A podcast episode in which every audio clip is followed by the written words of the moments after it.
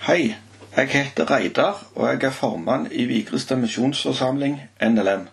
Velkommen til det siste møtet i møteveka vår, hvor Magne Vatland har tala over temaet To tomme sko. Først av alt så må jeg få lov å takke Magne Vatland for at han var så sporty og tok utfordringer og deltok på ei digital møteveke i plassen for vår vanlige, tradisjonelle møteveke. Takk, Magne, for at du deler din rike innsikt og forståelse av Bibelens tekster med oss i Vigrestad misjonsforsamling, NLM. Vi på Vigrest setter enormt stor pris på deg, Magne. Enda en takk til kretsen og Kolbjørn Bø, som utsetter permitteringsvarselet til Magne med ei uke.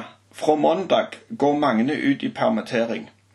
Tidene i NLM er krevende, med dårlige valutakurser og alle møter avlyst. Tidene er usikre for de fleste misjonsorganisasjoner akkurat nå. Som eksempel så kom det inn 86 000 kroner i kollekt på de to møteukene som vi hadde i fjor. Til nå i år så ligger vi langt bak å kunne nå det budsjettet. Hvis det er lyst, så kan det lese brev fra økonomileder i NLM, så det ligger en lenke til i dagens møteprogram. Jeg oppfordrer alle som lytter til å bli fast giver. På den måten så gir en NLM forutsigbarhet, og du får i tillegg skattefradrag på gaven. Framover så ser det ut som det har vært avlyst masse møter. Det er ikke aktuelt å forlenge møteuka med Magne, siden han blir permittert på mandag. Derimot har vi som styre bestemt at vi hver onsdag og fredag kveld framover kommer til å legge ut en anbefalte og gode tale på Facebook-sida vår, som vi oppfordrer dere til å høre på. De som ønsker at vi skal sende lenker på e-post, kan ta kontakt med meg. I tillegg så kommer vi til å legge ut lenker til alle NLM sine gudstjenester i påsken. De ligger også på NLM sine sider nlm.no. Første påskedag kommer vi også til å prøve å få til et digitalt formiddagsmøte hvor Oddmund Gravdal har lovt å tale til oss. Få med deg det òg. Ta ei åpning så jeg lyst til å slutte av litt der jeg begynte åpninga første dagen. Jeg snakka om at Gud ga Ananias et syn eller et kall til å gå og be for en blinde Saulus. Noe motvillig så gjorde han det. Det som skjedde, var at Saulus fikk synet igjen, og resten av historien kjenner vi nok alle sammen. Saulus fikk et, etter hvert et nytt navn, Paulus, og han brukte resten av livet sitt til å fortelle andre det gode evangeliet. Derfor så har vi òg fått tak i det, vi her i Norge. Natt til torsdag denne uka våkna jeg til en setning som jeg har lyst til å avslutte møteuka med, for det henger på en måte sammen med det som har vært tema denne uka. Jeg har lyst til å lese fra 2. Timoteus 4, 6-8. Og det er Paulus som sier det på slutten av livet sitt.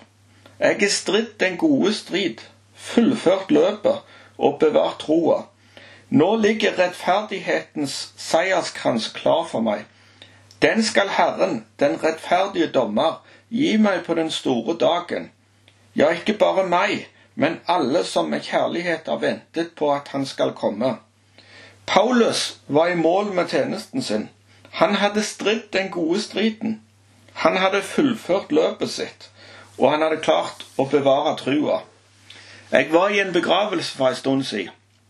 Under minneordet så måtte jeg ta meg sjøl i å sitte og tenke på hva vil de si om meg den dagen min time kommer? Hva har jeg fått utretta i den tida jeg var her? Eller sagt på en annen og jeg tror viktigere måte hva var viktig for meg i den tida jeg fikk på jorda?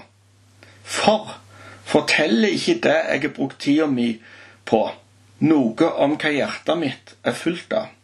Det ble utrolig alvorlig for meg.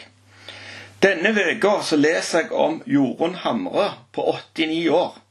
Hun reiste ut som misjonær til Etiopia for NLM i 1959, og jeg siterer avisa Dagen. Ifølge Hamre var det bekmørkt da hun kom til Shakiso første gang i Etiopia. Trolltrommene gikk dag og natt men nå har vekkelsen brutt ut. Hele området er kristnet og er totalt forvandlet etter at evangeliet kom inn og fikk snudd opp ned på alt, forteller hun. Så skal du høre. 79 år gammel så fikk hun et nytt kall fra Gud om å samle inn fem millioner kroner til en ny kirke i Etiopia. Hun brukte ti år på å samle inn penger som trengs for å bygge denne kirka. Denne uka var kirka på plass til og det var plass til 700 stykk, og denne uka ble hun innvia. Og den snart 90 år gamle dama trakterte orgelet og sang med fryd. Men hun regna med at dette var siste turen hennes til Etiopia. Helsa skranta, hun klarte ikke flere ganger. To tomme sko står ledige. 19 år gammel møtte jeg pastor Samuel Lam i Kina. Han hadde da sittet 20 år i fengsel, for han hadde fortalt andre kinesere om Jesus. Da han slapp ut, kunne han valgt den enkle veien og holde trua for seg sjøl. I plassen så danna han sin, e sin egen undergrunnskirke i sin egen heim. Kirka vokste raskt til 1200 medlemmer. Pastor Lam klarte maksimalt stue inn 400 stykk i det lille huset sitt på tre etasjer. Da så folk til og med i hans egen seng.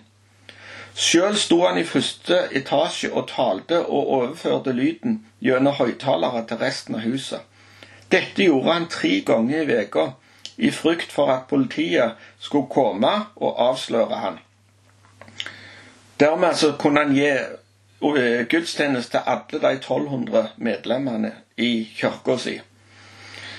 Jeg husker jeg spurte han ut fra den lille livsvisdommen en 19 år gammel ungdom fra Vigrestad hadde opparbeidet seg. Er du galen? Du kommer jo til å bli arrestert. Hva tenker du på? Jeg husker han så meg djupt inn i øynene, så sa han jeg må fortelle det kinesiske folket om Jesus, så får jeg heller ta 20 nye år i fengsel. Det har jeg aldri glemt. Da han døde 82 år gammel, bestod menigheten hans av 5200 personer. To tomme sko står nå ledig etter han. Historien er full av gode forbilder til etterfølgelse. Magne har annet snakka om Elia og Elisha. La oss bli inspirerte av de som gikk før oss. Finne de tomme skoene som passer til nettopp oss, og la oss trø inn i de. Hva for noen sko vil du trø inn i? Skal vi be. Jeg ber deg nå, Gud, gi liv til de ordene som Magne nå skal tale. Tal til hver enkelt av oss. Vis oss de tomme skoene du ønsker hver og en av oss skal fylle. Gi oss kreftene, motet og visdommen som vi trenger i din tjeneste. Amen.